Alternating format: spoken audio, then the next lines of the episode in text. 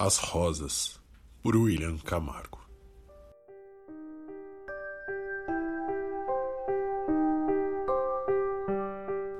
Bom, vou lhe contar uma história que sua falecida avó nos contava.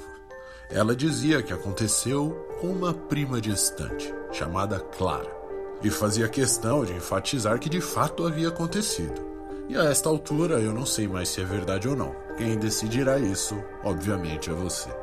Era início de inverno e Clara preparava-se para as festas de junho. Quermesses, festivais aconteceriam na pequena cidade em que vivia. Joana, uma amiga próxima, a convidou para sua casa duas noites antes da maior festa na cidade, a fogueira de Santo Antônio. As duas costumavam ficar acordadas até tarde, conversando e rindo sobre tudo. E naquela noite as meninas decidiram compartilhar segredos.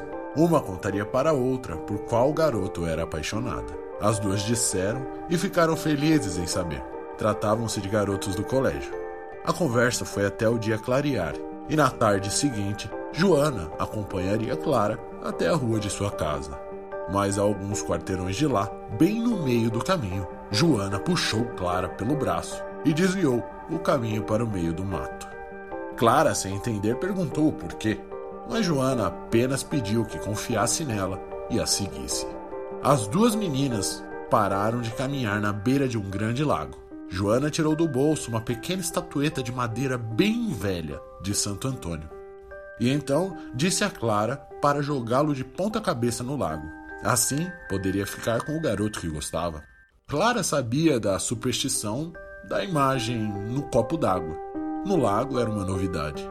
E ao questionar, Joana disse que funcionaria, que a antiga imagem pertencia a uma benzedeira que havia morrido muitos anos atrás e deixado para sua mãe.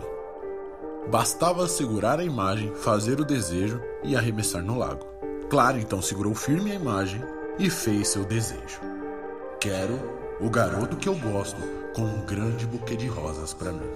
E arremessou o mais forte que pôde a estatueta no lago. As duas voltaram e cada uma seguiu seu caminho para casa. E o tão sonhado dia havia chegado a grande fogueira.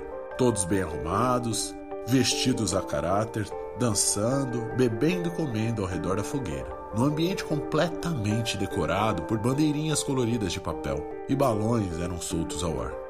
E quanto mais tarde, mais ansiosas as duas garotas ficavam, pois nenhum dos meninos foi visto. Eram amigos e sempre andavam juntos. A festa acabou e voltaram cabisbaixas para casa.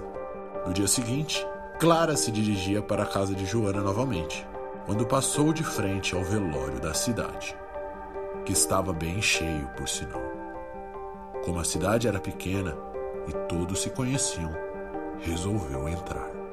E lá estava o garoto pelo qual era apaixonada.